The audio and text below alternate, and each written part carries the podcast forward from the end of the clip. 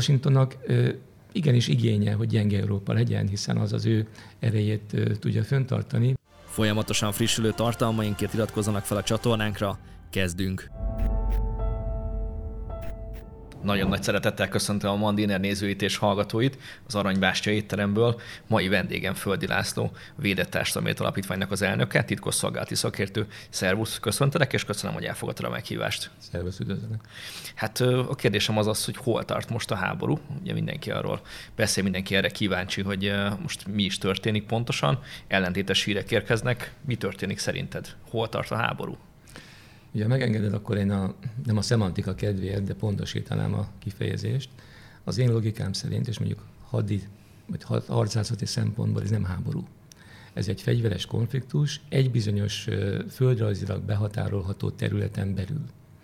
Ugye ennek az a jelentősége, hogy főleg a, a médián keresztül, meg bizonyos politikai nyilatkozatokban ugye az érzékelő, és azt érzékelik a hallgatók és a odafigyelők, hogy itt Oroszország neki indult egy háborút kezdeményezni, és aztán a háborúnak lesz egyszer csak valamilyen konzekvenciája.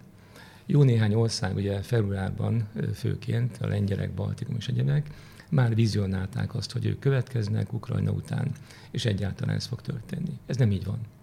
Ugye látható módon, hogy ahhoz, hogy háború legyen egy országon belül, és azt valóban a mai modern világban így nevezhessük, főleg a második világháború konzekvenciájából adódóan, az az kellene, hogy a teljes területen érződ, érzékelhető lenne a pusztítás, a pusztulás, gyakorlatilag az, hogy Ukrajna nem, hogy búzát nem tudna termelni, hanem az égvilágon semmit. Hm. Most ehhez képest azért nem ezt látjuk.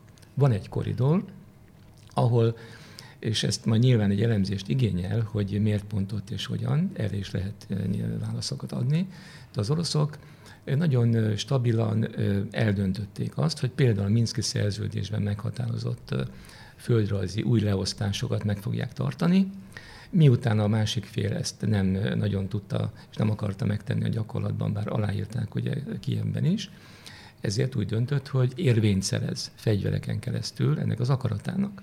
Tehát akkor ez egy fegyveres konfliktus szerinted, de nem háború. Abszolút. És ennek kommunikációs üzenete van, meg célja, hogy mindenki háborúként hivatkozik erre?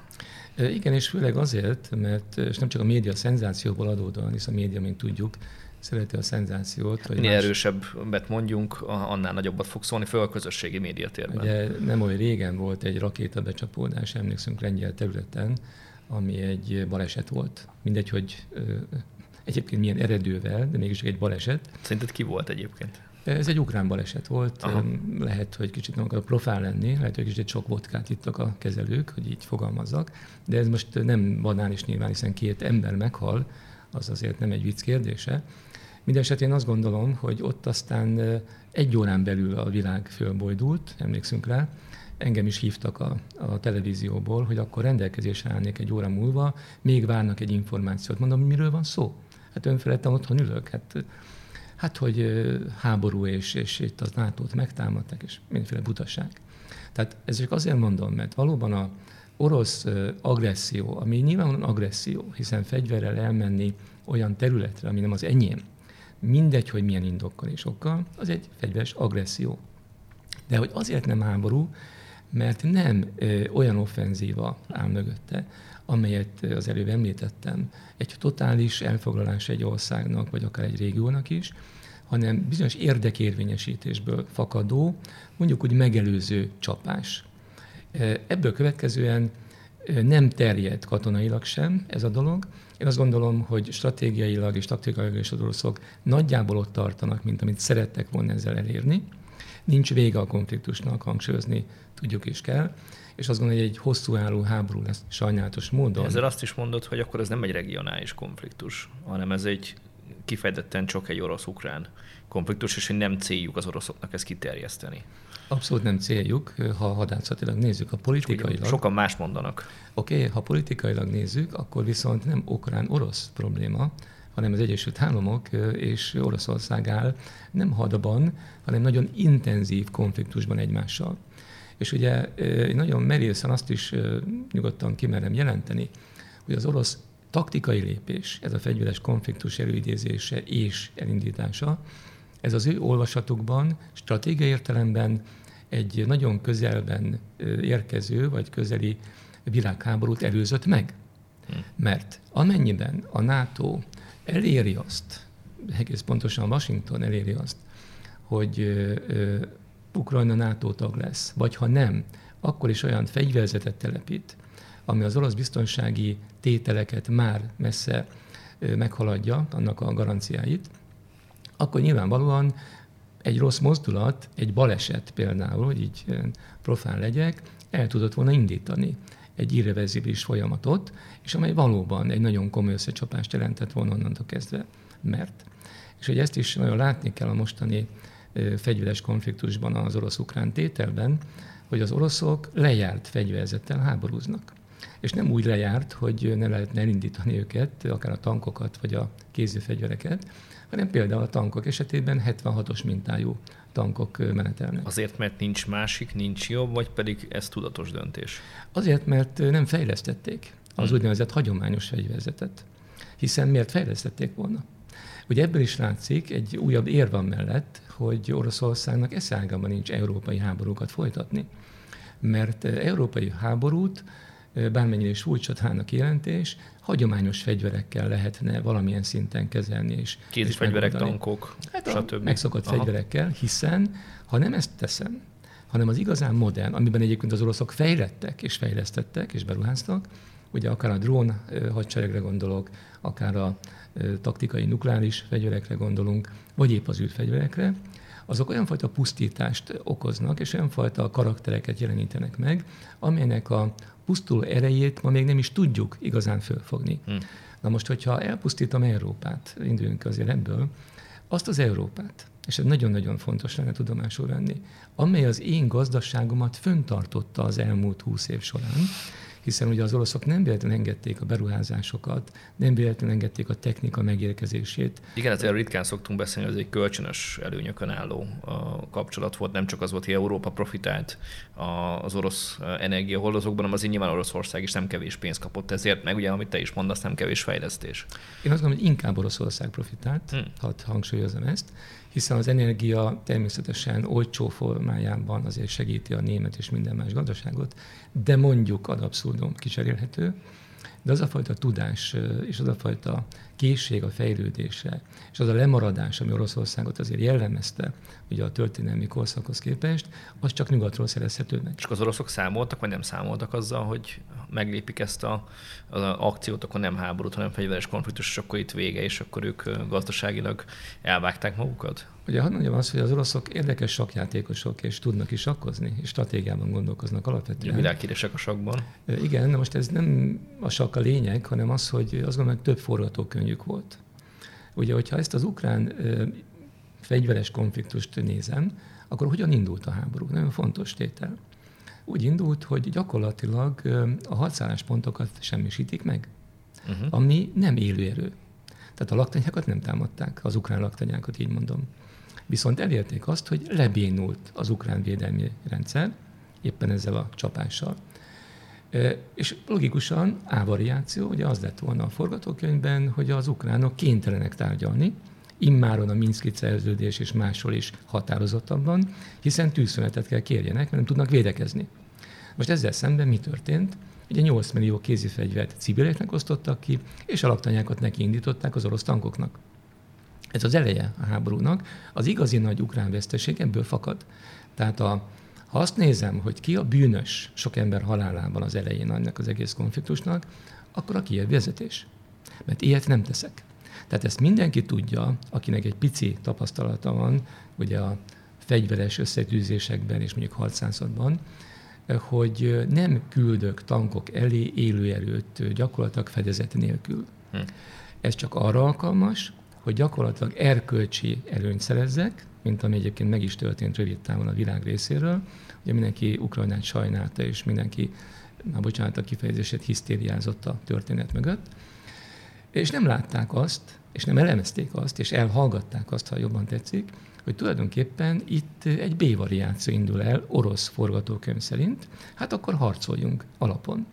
És ugye a későbbi orosz veszteségeknek pedig az igazi haditechnikai oka az, hogy jó lehet ukránok ülnek a, a, a ukrán tankokban, vagy a ukránok kezelik azokat a fegyvereket, amelyeket nyugattól kaptak, de azoknak az irányzéka az Washingtonban történik. Tehát gyakorlatilag az amerikai képesség az, amelyik nagyon halálpontosan tud célozni az a rakétával, De azért ami az ukránok kezében van. Visszatérve, amit mondtál a felelősségkérésre, ezért mindig egy megtámadott félel könnyebb együtt érezni, és a megtámadott felet támogatásról biztosítani, mint azt mondani, hogy akkor Léci, hozzátok már helyre ezt a szituációt minél gyorsabban. Ugye azért nem fair mondjuk az én érvem ilyen értelemben, mert mi egy harmadik szemben keresztül látjuk az egész folyamatot. Én a magam részéről elsősorban a stratégiát keresem a háttérből, hmm. és most nem egy szerintelen mondat, bocsánat, csak aztán azt nézem, hogy miért indítanak egy ilyen agressziót. Miközben az orosz gazdaság nem alkalmas arra, hogy egy háborút folytasson. Tehát a háborúnak az igazi értéke és ereje nem a hadeszközök, hanem egy erős gazdaság. Ugye hadd utaljak Hitlerre, ő sem 33-ban indul neki, hanem 39-ben indul neki. És így tovább. Tehát ez történelmi vissza lehet. És akkor azt mondod, hogy az egésznek egyetlen célja volt, hogy megelőzzenek egy világháborút? Azt mondok abban az értelmében, hogy Ukrajnát semlegesi státuszát meg tudják tartani valamilyen úton, módon. Egy, kettő, azért volt ennek humánus problémája is, hiszen az elmúlt nyolc év során, amióta ugye a Majdanban új kormánya van Ukrajnának, és egy báb kormány, hogy még pontosabb legyek, ugye a, az Azovnak a lehetőségei, idézőletéve a mhm. lehetőséget, azok megnyíltak. És a keleti határszakasznál, ahol most egyébként a harcok is voltak, és az elcsatolás történt, ott 80%-ban orosz nemzetiségi ukránok éltek. Most az Azov ott 20-25 ezer embert gyilkolta az elmúlt évek során úgy, hogy az ukrán kormány nem tett semmit az ukrán állampolgárok, még akkor is, hogyha orosz, orosz nemzetiségűek, védelmében. Most erre a oroszok szintén azt mondták, hogy itt van a mi erkölcsi előnyünk. Uh-huh. Lehet, hogy a világ ezt nem így fogja föl, de akkor is úgy gondoljuk, hogy ezt nem fogjuk megengedni. De érdekes módon ez nem ment át egyébként a médiában, hogy mi történik, vagy hogy Ukrajnaban történnek olyan dolgok, amik esetleg visszaélések. Kérdezem ezt azért, ugye itt a közelmúltban történt egy olyan esemény, amit ugye még mindig vizsgálnak, hogy pontosan hogy is volt, mint is volt, de hogy ugye az első hírek arról szóltak, és szólnak még egyébként talán most is, hogy bizony itt az ukránok is követtek el most háborús bűnöket, hogy akik megadták magukat, azokat tulajdonképpen lemészárolták. És úgy, úgy hivatkoztak erre, hogy hát igazából ezt megtehették, vagy nem is tudom, mi volt pontosan a hivatkozási alapjuk. Ugye kétfajta ukrán hadsereg létezik jelen pillanatban a konfliktus során. Az egyik a, regionál, a regionális, tehát az a mondjuk, egységek, akik vagy civilekből, vagy meglévő besorozott katonákból állnak. Ez a és hagyományos, nem? Ez a hagyományos, így uh-huh. És van az Azov, uh-huh. aki, és amely úgy működik, mint például az ISIS. Uh-huh. Ugye, ha jól emlékszem... Ez egy ilyen félkatonai szervezet is volt a közös műsorunk, ahol ugye a, a úgynevezett hát, új típusú háborúkról beszélgettünk, és ott fölmerült az, hogy az új típusú háborúknak az egyik jellemzője, hogy van egy olyan fél, olyan egyébként önmagát katonai egységként definiáló, tehát nem a klasszikus terrorizmus, akik illegalitásból és kis csapatokban működnek, hanem egy rendes, reguláris hadsereg, akik nem veszik tudomásul az egyébként írott és íratlan szabályait a háborúnak. Tehát a Genfi szerződéstől kezdve mondjuk a hadifoglyokra vonatkozott, és itt van, ők pusztítani mennek és ölni, mert úgy mhm. gondolják, hogy ez nekik megengedett. Most az azok ugyanez. És ugye ez a, az a probléma ezzel. Tehát nem feltétlenül célral csinálják? Azzal a cél, hogy minden állam pusztítsanak. Most hagyjuk, hogy őket ez És az is egy cél. motiválja. Igen, de ez mindenféleképpen ugye ellentmond egyfajta gentleman agreementnek, és higgyük, hogy a háborúkban nagyon fontosak ezek a egyébként nem beszabályozott, mégis szabályként működő rendszerek. Mert ha nem, akkor az, az emberi mi voltunk gyakorlatilag minden esetben eltűnhet és eltűnik. Hmm. Az, hogy két fél, ugye ezt mondani, hogy a legelső fajta háború típusokban előfordult, hogy két hadvezér folytatta a háborút azzal, hogy megbírtak egymást, aki győzött, többiek hazamentek. Aztán később ez persze Kevesebb változik. ember hal meg. Így van. Tehát mindig voltak egyfajta erkölcsi szabályok. Ma ezekben az úgynevezett modern megoldásokban, idézőtől modernet, ezek eltűnnek. Tehát ezt is tudomásul kell venni, amikor azt elemezzük, hogy ki milyen bűnt követett el. Nekem az én olvasatomban, és még egyszer mondom, ez nem az igazság hordozása részemről, hanem csak egy vélemény, az, hogy az első pillanatban emberek tömegét engedem gyakorlatilag egy olyan konfliktusba, kézi fegyverrel, ahol a másik fél láthatóan állig fölfegyverzett tüzérség és minden, ami ehhez szükséges felszereléssel áll, ez a legnagyobb bűn. De csak meg tudták állítani az oroszokat. Igen, azért tudták megállapítani, hogy belépett a NATO gyakorlatilag. Nem formálisan, hanem gyakorlatilag itt az informális fegyverek és egyebek. Azt mondta, hogy nem azzal állították meg, hogy az, e- az ő saját taktikájuk, hogy beküldték az összes embert, aki éppen ott volt, hanem itt már ahhoz, hogy meg tudták állítani, ott már kellett a külső segítség. Igen, de most itt azt is tudomásul kell venni, tehát amiről az elején beszéltünk, az oroszok nem háborúra készültek, hanem egyfajta olyan területi integritásnak a megoldására, vagy annak a garanciáitnak a megteremtésére, amely gyakorlatilag a totális háborút részükről korlátozta. Tehát helyből korlátozta. Most mindegy, hogy hm. volt-e bennük olyan érzés, hogy nem lövöm önfeledten a, a gyalogost csak azért, mert egyébként tudok pusztítani, ezt én nem tudom, és nyilván ezt majd a hadi elemzők hát kijelentik. ennyire is válogatja. Hogy... Így van. Tehát az oroszok sem szentek ebből a szempontból, és az, hogy agressziót követek el, ez nyilvánvalóan tagadhatatlan. Mondom, a háttér és az egyéb okokat persze hosszan lehetné sorolni mi a, akkor a mostani céljuk az oroszoknak? Mert ugye, ha jól értem, akkor valami olyasmit mondasz, hogy az elsődleges cél az a világháború elkerülése volt, másodlagos cél, hogy akkor megvédjék a saját uh, emberéket, akik mondjuk kisebbségben élnek Ukrajnában, és viszont azért ezek talán már teljes, teljesültek, vagy hát nyilván ezek az első mindig kérdés sokak számára, hogy be fog esetleg következni, de hogy akkor mi, mi az, ami most az ő részükről következik? Én azt gondolom, hogy, hogy ez Washington és Moszkva vitájában fog eldőlni. Én a részéről azt látom, hogy az Egyesült Államok egy picit, vagy talán nem is olyan picit visszalépett a korábbi mindenáron való győzelembe vetett hit logikájából, és nagyon fontos volt ebben a szempontból, legalábbis az én számomra az a jelzés, amikor a Pentagon volt az első, aki ebben a rakéta balesetben egyértelműen úgy fogalmazott, hogy nem orosz támadás. És azt ugye is... be is, azt hiszem, finoman le is keverték Zelenszkit, a, még Joe Biden is, hogy, hogy nem, nem úgy van, ahogy mondja. Így van. Tehát ez azt mutatja egyrészt, hogy pontosan tudnak minden lépést, hiszen a mai modern világban műholdak és egyebek, talán ez nevetséges is lenne, hogy nem tudják. Talán megijedtek attól is, hogy Európa be fog dőlni, úgy, ahogy egyébként már nem érdekük. Mert az viszont érdek az Egyesült Államoknak, hogy a, a két óceán partján lévő Európa ne legyen erős.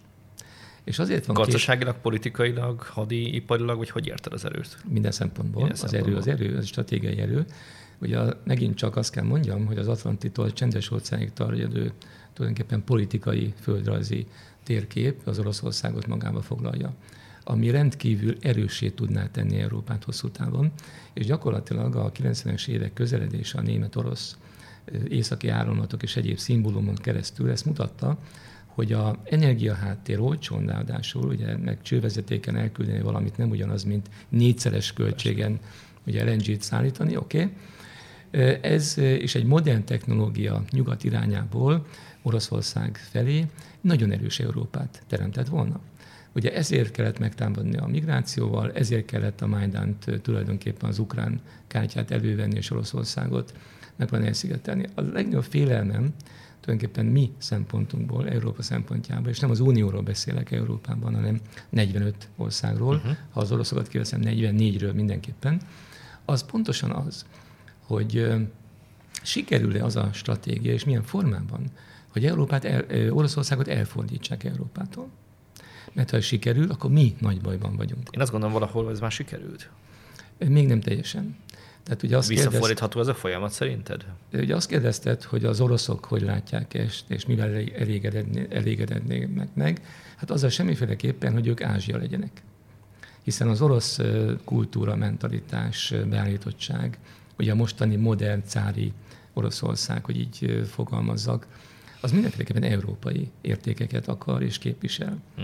Ugye kezdve az identitást, egy nagyon erős identitáson Oroszország, mint tudjuk, hogy a a kereszténység szempontjából is tömegek szintjén, tehát nem politikai akarat szintjén. Na most ez a fajta ilyen értelmű elfordulás, ez nekik nagyon nehezére fog esni. Mondhatnánk azt, hogy persze, hát ott vannak a kínaiak, indiaiak, Dél-Afrika, Brazília, ugye az új egység, amit ugye az Irán, Unióval szemben hasonlók, igen, igen. próbálnak összerakni, de ez nem így van. Tehát Oroszország Európa, és európai akar maradni, és az orosz ember európai. Nem fogja érteni, hogy miért kell neki megváltoznia, és miért kell más irányba elmenni. Hát. Tehát nem érdekük. És ugye ez az a nagy kérdés, hogy ebben viszont Európa többi országa és Oroszországnak egységet kell mutatni előbb-utóbb. Így én úgy gondolom, hogy az orosz magatartás és a, a Lavrovi mondat pár héttel ezelőtt, mi szerint a Nyugat-Európában lévő követségeket megszüntetjük. Ez egy számomra nagyon döbbenetes mondat, és nagyon rossz víziókat gerjeszt, hogy így fogalmazzak. Ez, ez amire utaltam, hogy most már nem hogy tényleg felállna egy újabb vasfüggöny, és már a telefonvonalat se tartjuk lassan meg. Igen, ami ismételten hangsúlyozni szeretném, sosem volt a történelemben. Tehát mindig voltak kontaktok, hmm. a legdurvább viszonyok között is, mert tudták, hogy egyszer csak lesz egy jövő, lesz egy következő helyzet, amit kezelni kell, és azt elő kell készíteni, meg kell alapozni. Tehát ebből a szempontból én úgy gondolom, hogy nagyon rossz, ami jelen pillanatban kialakult, és visszautalva az első mondatokra és a kérdésedre, hogy Washington is, mint hogy ezt érezné. Tehát Washingtonnak igenis igénye, hogy gyenge Európa legyen, hiszen az az ő erejét tudja föntartani, mert Amerika lejtmenetben van, ez teljesen világos. Szabad, akkor egy picit elkalandoznék, méghozzá ebben a Washington vonalon kalandoznék tovább. Nem szorosan a témánkhoz kapcsolódik, azért mégiscsak szerintem sok mindenkit érdekel ez a mostani a magyarországi kontextusban kialakult szituáció az úgynevezett guruló dollárokról. Hogy akkor itt vélelmezhetően amerikai indítatású pénzek jelentek meg. Neked mi erről a véleményed? Hát így az a helyzet, hogy... Beleillik ebbe a képbe? Miért ne, miért ne jelennének meg? Hm. Tehát ugye nem úgy kell ezt fölfogni, hogy jaj Istenem, most mi történt. Ezt úgy kell fölfogni, hogy vannak stratégiai érdekek a világban, ezeket a stratégiai érdekeket eszközrendszerekkel az egyik és a másik fél is megpróbálja érvényre jutatni, és aki erősebb ennek a generálásában, az fog győzni. Tehát itt nem fölháborodni kell, nyilván lehet fölháborodni is, oké, okay, hanem végig kell gondolni, hogy ezzel szemben nekem mit kellene tennem. Csak hogyha mit csinálnánk ezt Amerikába, akkor...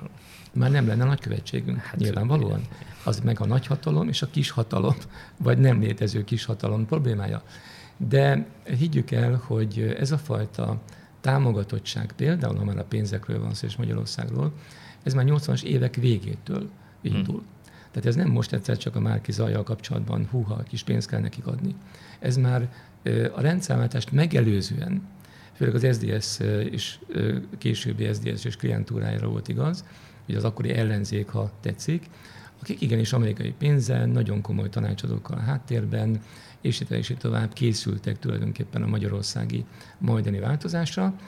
Ismétlem, ez logikus. Tehát megint a stratégiát figyeljük, és a stratégia értékét kell ebben keresni, nincs ebben semmi meglepő. Az más kérdés, hogy miután nem sikerült a pénz erejénél fogva hatalmat megszerezni, ugye 90-ről beszélünk, hiszen a nép másképp döntött, nem tudta, hogy mi a feladata, kicsit furán fogalmazva, ezért beindult egyfajta ellenzéki magatartás ugyanennek a pénz irányából a meglévő hatalomra, ami addig tartott, amíg hatalomra nem került, de a finanszírozás tovább folyt, hiszen az abszolút érték az, hogy minél jobban hódítsak. Ugye ez ma a nézőknek, hallgatóknak talán úgy tudnám érzékeltetni, hogy az NGO rendszer maga, az a fajta finanszírozott rendszer, amely igenis a társadalmakat, és nem csak Magyarországon, hanem minden máshol, Franciaország, Macron három hónap alatt lett elnök. A semmiből, hogy így fogalmazunk, az mind-mind annak az erejét mutatja, hogy ez a bizonyos pénz igenis nagyon szisztematikusan győzi meg a társadalom tagságát arról, tehát a közvéleményt, hogy milyen politikát kövessen, mi a jó számára, akkor is, ha nem egyébként, egy későbbi elemzés során. Tehát ez egy régen megindított, nagyon végig gondolt, azt kell mondjam szakmailag, hogy zseniálisan fölépített. Erre persze szoktam kapni a fejemre, hogy miért mondom a nem jóra, hogy zseniális, de ettől még szakmailag kénytelen vagyok azt mondani. És ezzel még egyszer mondom, nem az a feladatunk, hogy persze, hogyha olyan fajta szabálytalanság történt, ami az alkotmányos rendet sérti, amely a törvények betűihez képest elfogadhatatlan, akkor arra le kell számolni megfelelő azért, formában. De azért fontos felhívni a figyelmét a olvasóknak, nézőknek, hallgatóknak, hogy azért nézzen, figyeljenek oda, hogy mi történik. Mert hogy itt lényegében, amire következtetni lehet jelen helyzetben, az egy külső beavatkozás. Erre nem a figyelemfelhívás az egyetlen fontos dolog, nyilván az is, hanem ezt el kell ítélni. Uh-huh. Tehát én nem arról beszélek, hogy de jó, hogy itt történt, és itt hozsannázok, hogy milyen zseniális Persze. megoldás, hanem arról beszélek, hogy a másik fél szempontjából ez nekik eszköz volt. És hogyha ezt engedtük eddig is, az baj. Hogyha ennek nem lesz egy retorziója, az meg még nagyobb baj, mert akkor tulajdonképpen önmagunkat számoljuk föl azon keresztül, hogy nem teszünk érdemi lépéseket, azzal szemben, amit mi nem akarunk. Mert nézzük Magyarországot. Ugye lehet szeretni, nem szeretni az Orbán kormány, rendben van. De mégiscsak megint elemzést követő attól függetlenül is, azért mégiscsak a többség megválasztja, immáron nem először. Ez a többség akaratát jelenti. És hogyha tényleg komolyan veszük a demokráciának megmaradt morzsáit, hogy ilyen csúnyán fogalmazzak, akkor mégiscsak a nép akaratnak valamilyen szinten igenis elsőbsége van. Minden más háttér, felszíni és egyéb politikai akarathoz képest. Tehát az nem menti fel az Egyesült Államok eme magatartását, hogy ő úgy gondolja, hogy Magyarországon jobb lenne egy másik típusú politika, egy inkább Amerika barátabb, vagy uniós elfogadóbb kormány, vagy bárki, mert a nép nem így gondolja. Ezért, ami így történt, az nem csupán szabálytalan, hanem tulajdonképpen alkotmánysértő. És ezzel le kell számolni. A kérdés csak az, hogy ez mind rendben van, csak jön egy jogi szakasz, ugye? Politikailag tudok nyilatkozni, médiában el tudom ítélni, ugye erkölcsileg nem tudom fölmenteni nyilván az elkövetőket, de azt mondja, hogy jogi procedúra. Ez amiben van. viszont jogilag kell bizonyítani, és ugye itt jelenik meg az én valama korábbi szakmám, az operativitás kérdése. Uh-huh. Ugye egy operatív megoldást, ha azt jól csinálják, jogilag nem lehet bizonyítani. Mégpedig azért nem, mert azért operatív.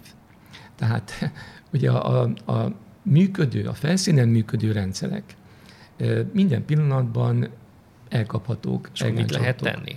Az a legnagyobb védekezés, hogyha fel van, felhívják a figyelmet arra, hogy van ilyen, figyeljünk oda, és akkor lehet, hogy most ezt abba hagyják, de akkor nyitnak másik két-három csatornát. Tehát gyakorlatilag ez egy véget nem érő történet?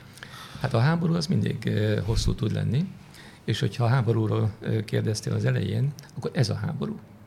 Tehát az orosz-okrán konfliktus ez egy fegyveres konfliktus, viszont mi háborúban vagyunk. De és ez nem... kulturális, vagy gazdasági, vagy milyen típusú háború? Abszolút, tehát ez annak a háborúnak főleg egy olyan fajta ideológiai háború, amelyet én úgy szoktam megfogalmazni, ha megengedett, hogy a, a normális és mondjuk a nem elfogadható világ csap össze, és ez mindenre vonatkozik, és főleg Európa jövőképével függ össze. Hogy a nemzetállamok maradnak-e vagy sem, az én olvasatomban nem lehet alternatíva. Nincs Európai Egyesült Államok semmilyen formában, mert akkor az nem Európa.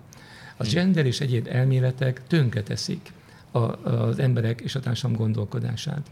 A hagyományrendszereink megőrzendők, ott nincs cancel culture, mert ott van vége tulajdonképpen a, az emberiségnek, hogy nagy szavakat használjuk, és így tovább.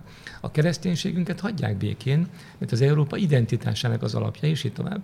Tehát itt van az a háborús pont, hogy vannak érdekkörök, mindegy, hogy milyen gazdasági és egyéb szempontból, akik ebben mindenáron hogy mondjam, változást akarnak. És ilyen szempontból igen, a kérdésed jogos, hogy ez nem marad annyiban, függetlenül attól, hogy most elítélnek esetleg egy-két embert, mert sikerül. Akkor ez folytatódni fog? Igen, és itt én úgy gondolom, hogy az igazi szembenállás ezzel a folyamattal, az nem csupán a felderítést jelenti. Tehát, hogy mi képesek vagyunk időnként, vagy időről időre megmutatni, hogy hol van a támadó pont. Nem az elhárítást? Ez az elhárítási feladat, hanem egy offenzív védelmet kell elindítanunk.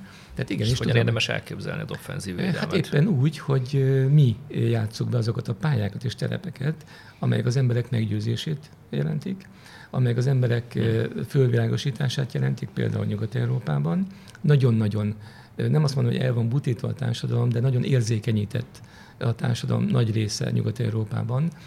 Hihető számukra az, hogy a politika csak jót akar nekik, hihető számukra az, hogy az új változások, kihívások el nem fogadása, csúnyán fogalmazva, az ő érdekeik ellen való. Tehát és tovább. az lenne a demokratikus, nem, hogy akkor itt most mind a két álláspont meg tud jelenni, de akkor ha jól következhetem ki a mondandódból, akkor nem feltétlenül egy demokratikus szituációt vázoltál most föl, hanem egy egyoldalú szituációt. Abszolút egyoldalú a szituáció ebből a szempontból.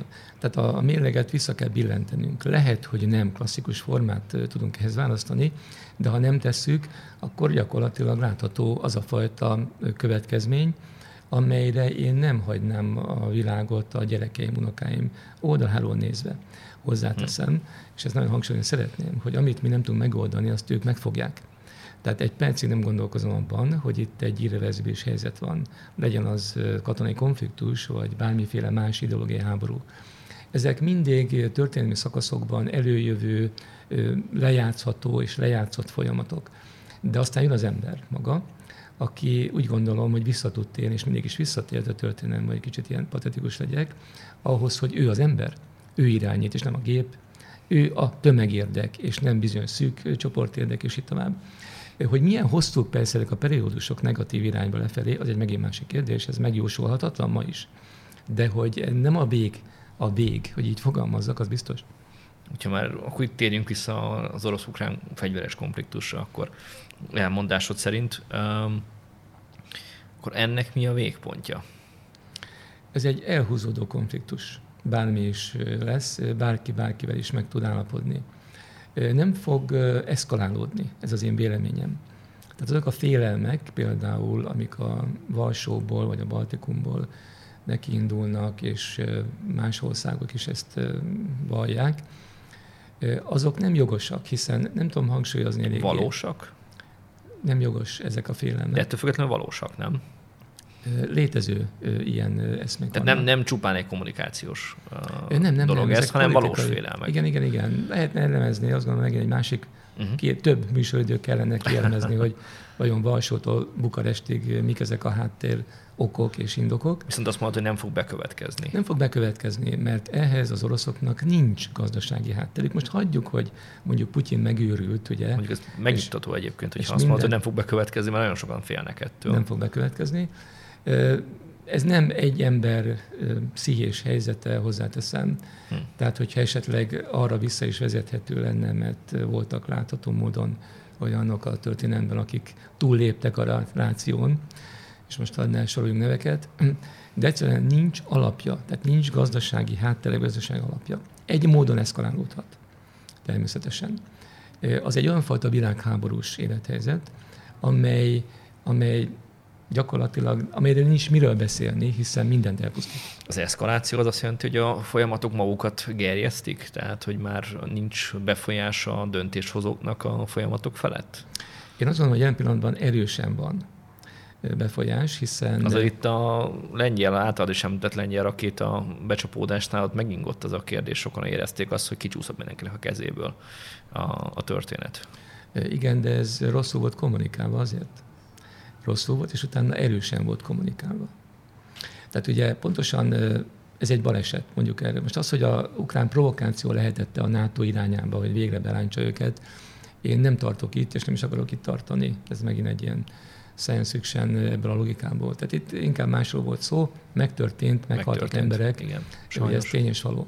Tehát pontosan ugyanakkor nagyon jó a kérdés, mert bocsánat, hogy minősítem, mert hogyha visszamegyünk a legelejére a történetnek, hogy mitől indul az orosz agresszió, akkor én pontosan erre utaltam, hogyha nem indul meg, és egy ilyen kemény fellépés nincs orosz részről, ami egyébként elfogadhatatlan, mint emberéleteket követő agresszió, akkor a Ukrajnába telepített nagyon durva eszközök, amelyek mondjuk negyed órán belül érik el Moszkvát, és komoly csapást mérnek rá, telepítésre kerül, akkor Ukrajnában balesetek is lehetnének.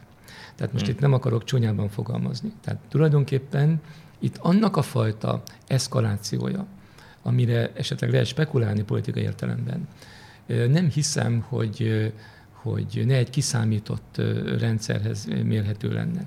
És mindenféleképpen abból kell kiindulni, hm. hogy nem lehet megengedni, hogy a nagyhatalmi eszközrendszer találkozzon olyan, lég, olyan földrajzi térben, így fogalmazzak, amelyik valóban egy balesetet követően, mondjuk így, idézővetéve, ki tud robbantani egy harmadik világháborút, mert egyébként politikai szempontból ennek a kockázata szerintem minimális. És egy hidegháborúnak a kockázata? Hát az nem kockázat, hanem valóság. Ugye ez a legnagyobb problémája Európának, hogy belecsöppentünk. Akkor már benne vagyunk?